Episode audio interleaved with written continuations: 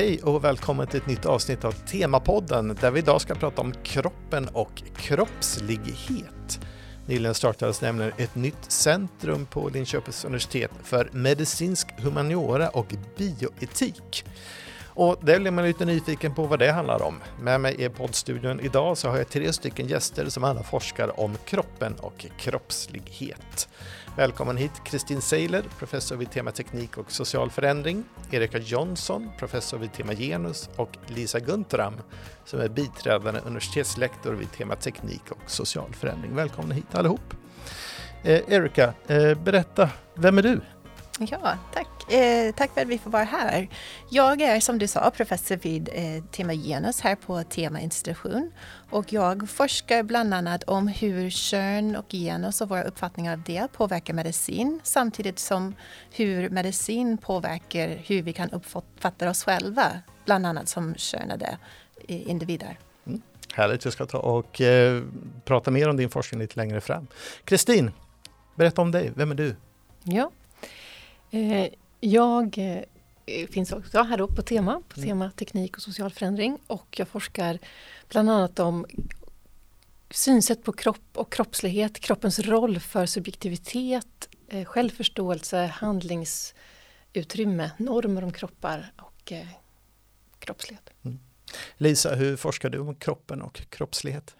Ja, jag är ju ofta intresserad av personers upplevelser av kroppen, deras erfarenheter och deras berättelser om sin kropp och eh, om sina möten med medicinen och medicinska praktiker. Mm. Om vi uh, återgår då till grundämnet där och så vi pratar om medicinsk humaniora. Om man skulle förklara det Kristin, vad, vad är medicinsk humaniora? Ja, jag skulle säga att det är ett väldigt tvärvetenskapligt fält och ett väldigt eh, mångfacetterat fält.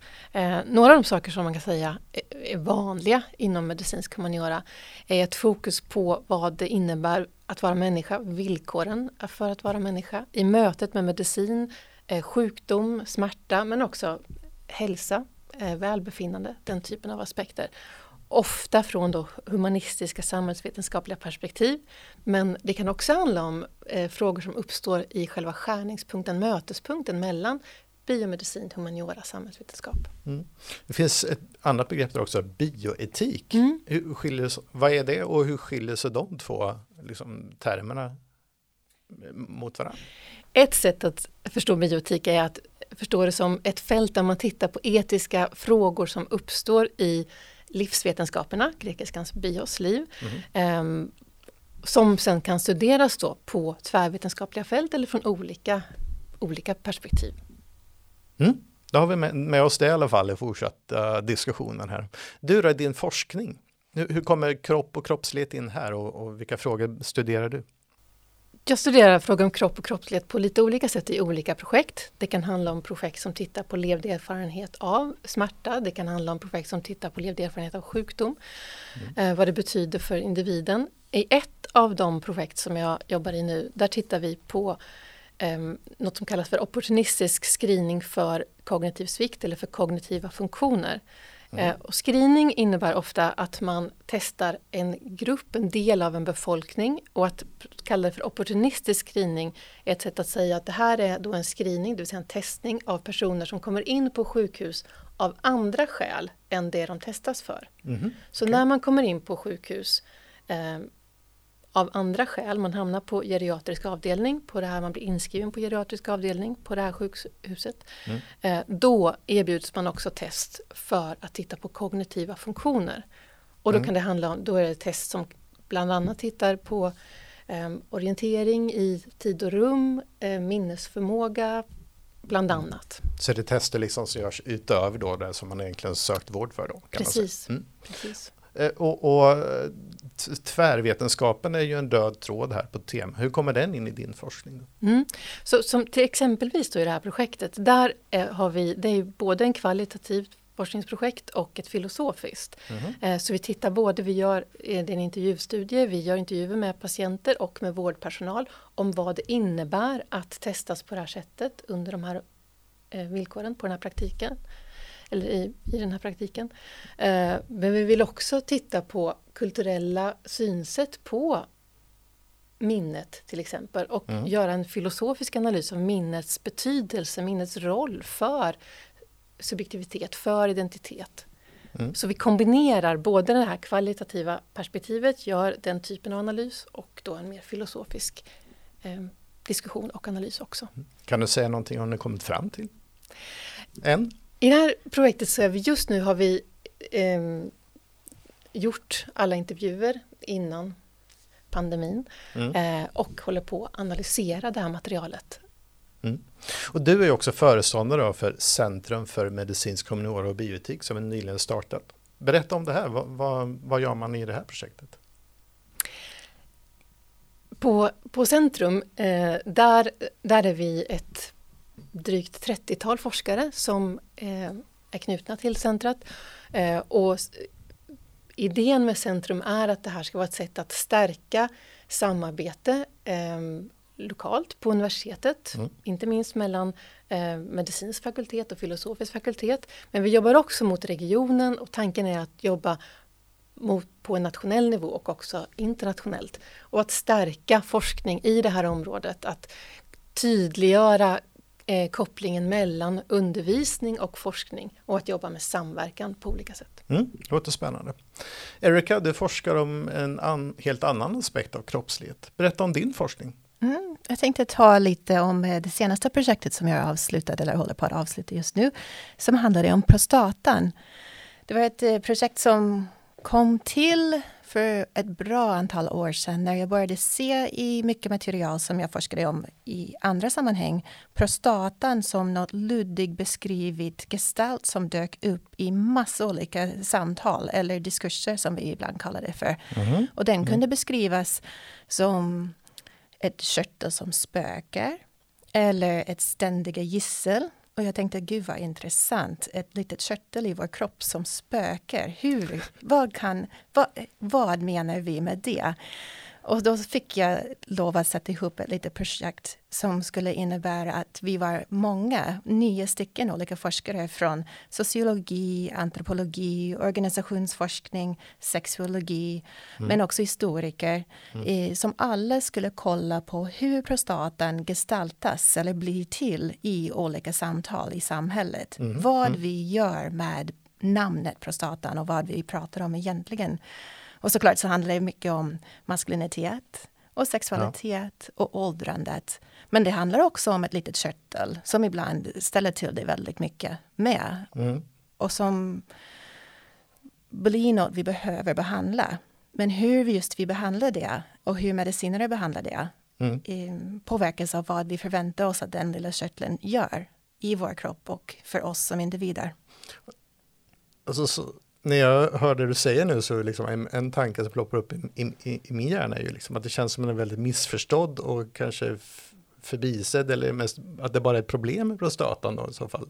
Så, som när jag börjar fundera på det. Håller du med om den bilden? Eller? Jag håller med om den bilden och det är väl den bilden vi får. Det är väldigt mycket prostatacancer framförallt som vi får mm. i medien just nu. Eh, och det finns ju inom framförallt då medicinska man göra en idé över att kroppen gör sig känd när den är sjuk. Mm. Så att, den är ju oftast tyst och vi inte känner av den så mycket. Det kanske är bara ett bra tecken att den är oftast frisk bara. Mm. Mm. Sitter där och gör som den ska. Mm. Men sen blir det problem och så blir de problemen väldigt, väldigt påtagliga för de männen som upplever det, mm. eller de kroppar som upplever det. Just det.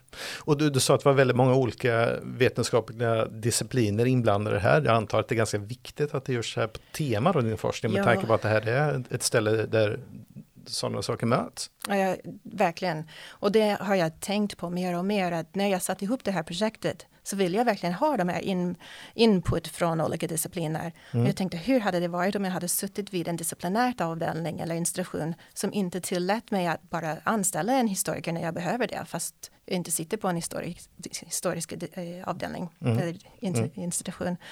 Det är ju så himla praktiskt att vi på tema har den tvärvetenskapliga anställningssätt framför allt som mm. gör att vi kan samarbeta tvärs över gränser. Mm. Den här studien då, vilket slutresultat har den gett? Ja, det vi kom fram till var att eh, vår bild av prostatan är väldigt starkt kopplad till också vår bild av vad en man är och vad manlighet är. Till exempel, vi har sett att väldigt många män som upplever besvär med sina prostatar också upplever en förändrad eh, eh, eh, toabesöksmönster till exempel. De Mm. behöver gå på Mm. toa lite mer och ibland kan eh, ha till och med inkontinens. Ehm, det är väldigt kopplat till hur de upplever sin egen identitet som man i framförallt det offentliga rummet. Och att Mm. om man behöver besöka toaletten väldigt ofta så kan man känna sig hämnad av det. Kanske inte ta sig ut i det offentliga rummet lika mycket. Kanske tacka nej till vissa föreställningar eller vissa fester eller vissa resor. Och därmed inte upplever sitt beteende på det sättet som, eller sin möjlighet till att bete sig på samma sätt som man har kunnat göra förut. Och Så- att det även upplevs som kopplat till just maskulinitet. Det ser vi också med sexualitet, att vissa prostatabehandlingar påverkar hur man kan utöva sitt sexualitet. Och även det upplevs som stark, särskilt svårt i vissa sammanhang på grund av att det är kopplat till sitt eget identitet som en man. Så det kanske ska peka på fler sammanhang än man kanske tänker på från början när man hör att någon har problem med sin prostata. Så man kan säga så. verkligen. Det är ju kopplat till hela det sociala jaget. Från prostatan ska vi bege oss till livmodern och Lisas forskning. Du forskar om livmodertransplantation. Det låter superspännande tycker jag. Varför var ditt intresse för, för det här? Hur, hur dök det upp? Nej, men det kommer från, en, från min tidigare forskning om just den här gruppen av kvinnor som är födda utan en livmoder. Eh, och när jag studerade den gruppen kvinnor och deras erfarenheter av att sakna då just det organet, då dök den här nya behandlingsformen då, eller forskningen om den här behandlingsformen upp på agendan. Och i Sverige har man legat väldigt långt fram med den medicinska forskningen. Så det jag har studerat, det är ju då både de här forskarna, alltså de medicinska forskarnas perspektiv på sin praktik. Och sen både kvinnor som har fått en livmoder eller som vill ha en livmoder eller som skulle kunna vara aktuella för att få en livmoder. Hur de ser på den här möjligheten till att få, få ett organ som de aldrig har haft. Mm. Men som de då som unga kvinnor alltid har förväntats ha Mm. kan man säga. Och det som jag tycker är så spännande med det här, det är just att man kan genom att studera de här olika betydelserna då som olika aktörer kanske ger till det här, kan få en ehm, både en inblick i vad de här då vad det här kan få för konsekvenser den här, den här behandlingen, men också vad vi lägger för värderingar och vilka normer som kommer till uttryck i just det här organet. Det här organet som ju inte är livsviktigt för att den här individen ska överleva, men som ändå betyder så otroligt mycket när man inte har det, men trodde att man skulle haft det. Precis, vi pratade ju om självbild förut för, för män med prostataproblem och här är det väl ännu mer tydligt kanske då som kvinna att just de här förväntningarna att man ska föröka, liksom, vara mamma och föröka sig och sådär. Ja, Alltså, precis. Fast jag tänker också att det finns många liksom över, eller saker som knyter ihop just prostatan och livmodern. För det är ett sånt där organ som är väldigt, har en tydlig, som är könat kan man säga. Det är Mm. ju tydligt kopplat till, Ja. till hur vi tänker kring kön och genus. Och i Ericas projekt så handlar det ju också om när prostatan, man plötsligt, man har haft en prostata men plötsligt inte har den. Och i mitt projekt handlar det mycket om att man kanske först har trott att man förväntat sig att man skulle ha det här organet i sin kropp och sen Mm. får man reda på att man har det inte och sen får man reda på att man har möjligheten att få det eh, och vad, vad det betyder då, Ja. alla de här olika Svängningarna. faserna. eller- Ja, Ja, faserna. precis. Ja, precis. Mm. Det tvärvetenskapliga perspektivet, då, hur kommer det in i, i din forskning?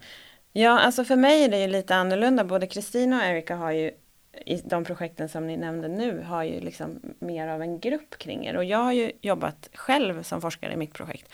Mm. Och då har det ju betytt jättemycket att ha den miljön här, både på tema eh, och på tema T och tema genus eh, och även kopplingar till tema barn, eh, där man ändå kan få otroligt många infallsvinklar på det man gör. För annars kan ju livet som forskare vara ganska ensamt och även om jag är tvärvetenskapligt skolad och kommer med, med en tvärvetenskaplig bakgrund så har ju jag såklart inte alla tvärvetenskapliga ingångar som jag kan få tillgång till här och det har ju varit en jättestyrka för att just kunna belysa också det här ja, men de olika betydelserna av just det här organet. Mm. Men det här eh, nya vinklar då, som du pratar om, var händer det? Händer det i, går man in på en kollegas rum eller händer det vid kaffeautomaten, matsalen? Alltså hur, Nej, men jag skulle säga att för, för mig så händer det ju väldigt mycket i vår seminarieserie, alltså som heter P6 sedan länge, men P6 mm. som också heter Box på, på pappret. Mm. Eh, body Knowledge Subjectivity. Eh, där, där har vi ju liksom ett sånt samtal kontinuerligt. Mm. Eh, men det händer också i, mycket i fikarummet skulle jag säga. Mm. Och i lunchrummet. Det låter superspännande Lisa med din, din forskning och just det här utbytet som, som händer här på tema ur olika vinklar. Så ja, om man pratar samhällsnyttan då, som görs här, hur, hur ser ni på den? Vad har vi för nytta av den forskning som görs här under, under ert paraply? Alltså, jag tänker att medicinsk humaniora är väldigt bra på att ge andra synvinkel på situationer som kan uppstå inom medicin. Mm. Eh, det kan tolkas som kritiskt men egentligen så tror jag att det menas mer som bara att få en annan perspektiv. Till exempel inom vår forskningsprojekt så har vi sett att bland annat eh, urologer lär sig att undersöka prostatan på ett väldigt annorlunda sätt än vad gynekologer lär sig att undersöka livmodern. Eh, mm. Båda är väldigt intima undersökningar men båda två speglar nu hur vi uppfattar att kvinnor ska vara väldigt um, eh, man ska vara försiktig med kvinnor och kvin den kvinnliga könet medan för män så behöver man kanske inte ta så mycket hänsyn till just hur mannen känner utan det ja. kan mer undersökas och gör det gärna snabbt och eh, inte prata så mycket om det. Mm. Väldigt manligt. Mm. Det kan vi kanske påpeka och se om vi kan och behöver, kanske inte behöver, men behöver ändra på hur vi undersöker våra patienter. Mm. Eh, en annan sak som vi har sett är att det finns väldigt, väldigt varierande idéer över och praktiker för sexualitet, även för män som eh, har kommit in i en viss ålder. Och att det är ju bra att ta hänsyn till det vid urologiska kliniker när man ska prata om vilken sorts behandlingar man behöver efter en prostektomi till exempel. Mm. Att man kanske har olika praktiker som man skulle vilja göra och inte alla är lika, inte alla är samma. Mm. Sen har vi också sett att till exempel den här skillnaden mellan hur man kissar efter en prostataoperation och innan eh, påverkar hur man kan vara i det offentliga rummet. Men man skulle också kunna fråga våra stadsplanerare till exempel om inte det offentliga rummet kunde ändras för att ta hänsyn till det och mm, eh, mm. försöker använda den här kunskapen för att vara lite aktivistisk och be om att vår miljö faktiskt är byggd för att funka för alla. Mm. Så de typer av frågor kommer fram när man gör en medicinsk humaniora-studie. Och de kan man verkligen lätt ta över till andra sammanhang och säga, ja men kolla här, vi skulle kunna som ett samhälle hjälpa oss alla att kunna vara människor ute i och leva det livet vi vill ha. Det kanske inte är den första tanken man tänker att det kan eh, liksom landa i stadsplanering när man pratar om att folk har problem med eh, cancer i prostatan exempelvis. Det är väl en spännande tanke faktiskt. Ni övriga då, vad, vad ser ni samhällsnyttan i det som, som görs här? Det är många projekt. Nej men om jag bara konkret ska tänka kring mitt eget projekt så handlar ju det mycket om att å ena sidan synliggöra eh, att kroppar och könade kroppar specifikt kan eh, se ut och innehålla väldigt olika saker och hur, hur våra normer på olika sätt begränsar kanske särskilt de individer då som inte faller inom normen men även de individer som faktiskt faller inom normen och vad det får för konsekvenser i människors liv. Och det tänker mm. jag knyter an till det Erika sa att det handlar ju på något sätt om att försöka skapa en, ett samhälle och en, en liksom, ja på lång sikt en värld men det kanske låter lite mm. stort men som där olikheter kan liksom få, få synas man måste mer. börja någonstans. Man måste börja någonstans och sen också att, att till viss del också försöka eh, synliggöra att vissa saker som vi kanske tar för givet eller har bestämt att det här eh, gör vi inte i vårt samhälle. Så här gör vi inte. Vi har inte tillåtit surrogatmoderskap. Då kan mm. man också fundera över, ja, men har vi relaterade praktiker som en livmodertransplantation? Varför diskuteras inte det på samma sätt? Varför är inte det kontroversiellt i samma mm. utsträckning? Mm. Ehm, så att det finns också den potentialen att försöka se kopplingar mellan olika eh, praktiker som försiggår. Mm. Mm. Spännande. Mm. Och jag skulle säga, om jag utgår går tillbaka till det projekt som jag nämnde tidigare eh, och det större screeningprogrammet skulle jag säga att där jobbar vi ju verkligen tvärt i meningen också eh, forskare från humanistiska, samhällsvetenskapliga och tvära perspektiv också tillsammans med vårdpersonal och läkare.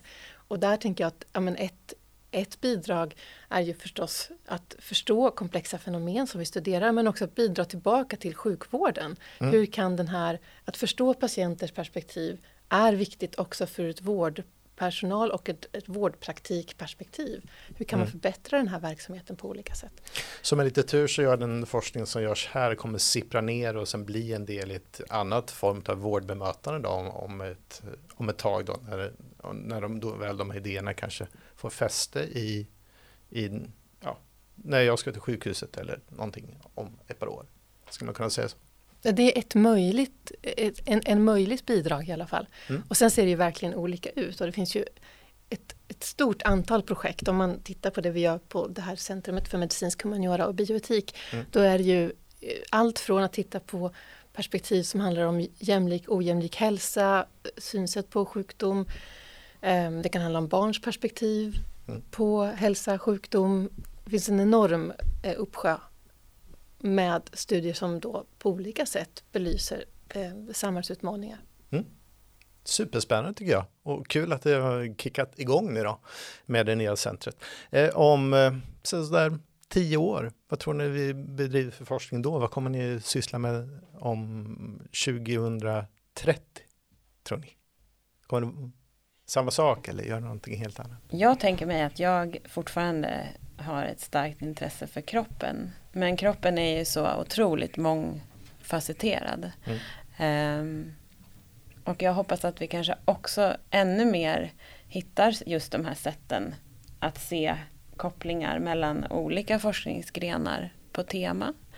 Uh, det gör vi redan men, men jag tror att det finns mycket som vi kan göra mera. Men som Erika nämnde om om eh, samhällsplanering och prostatan. Det kanske inte är den, den första kopplingen man tänker men det är liksom ett väldigt konkret exempel. Mm. Um, så det hoppas jag på, ännu mer av den typen av överbryggande uh, kreativa initiativ. Erika, vad gör du om tio år? Alltså jag tänker att väldigt mycket av det som vi är bra på här är att verkligen ta tillvara den tvärvetenskapliga samtalet som förs vid fikabordet, vid eh, matbordet och i seminarierum och i det här nya centret som bildas också. Och jag tänker att vi förmodligen kommer att samarbeta ännu närmare med medicinare men också med teknologer, inte minst nu när vi ska ha nya AI och robotteknologi som kommer in i vården men också i vår vardag mm. och försöker se hur det påverkar oss som kroppar och förkroppsligade subjekten. Mm. mm. Kristina, mm. vad är din vision ut? Jag tänker att den här typen av frågor kommer bara bli allt viktigare och jag tänker att det finns också stora utmaningar som vi kanske inte pratat om just nu. Mm. Eh, till exempel klimatförändringar med effekter på hälsa, sjukdom. Eh, till, som bara ett exempel. Så jag tänker att det här är ett fält som bara kommer bli allt mer aktuellt. Verkligen. Det ska bli väldigt spännande att följa hur det går med forskningen här vid Centrum för medicinsk humaniora och bioetik. Nu är det dags att avsluta det här avsnittet av Temapodden, en podd som handlar om allt spännande som händer här på Tema vid Linköpings universitet. Tack så mycket Kristin Seiler, professor vid tema teknik och social förändring, Rebecca Jonsson, professor vid tema genus och Lisa Guntram som är biträdande universitetslektor vid tema teknik och social förändring. Och naturligtvis stort tack till dig som har lyssnat. Har du synpunkter och tankar kring det du precis har hört så kan du mejla dina synpunkter till temapodden liu.se. Och vill du veta mer om den forskning som görs vid Centrum för medicinsk humaniora och bioetik så finns det länkar till den i beskrivningen till detta avsnitt. Och vill du kanske lyssna på fler poddar som görs vid Linköpings universitet så hittar du fler under adressen lie.se podcast. Om du gillar det du precis har hört så skulle vi uppskatta om du vill gå in på iTunes och betygsätta Temapodden för då kanske fler lyssnare får chansen att upptäcka denna podd. Jag heter Per Wispernebell och vi är snart tillbaka med fler avsnitt. På återhörande.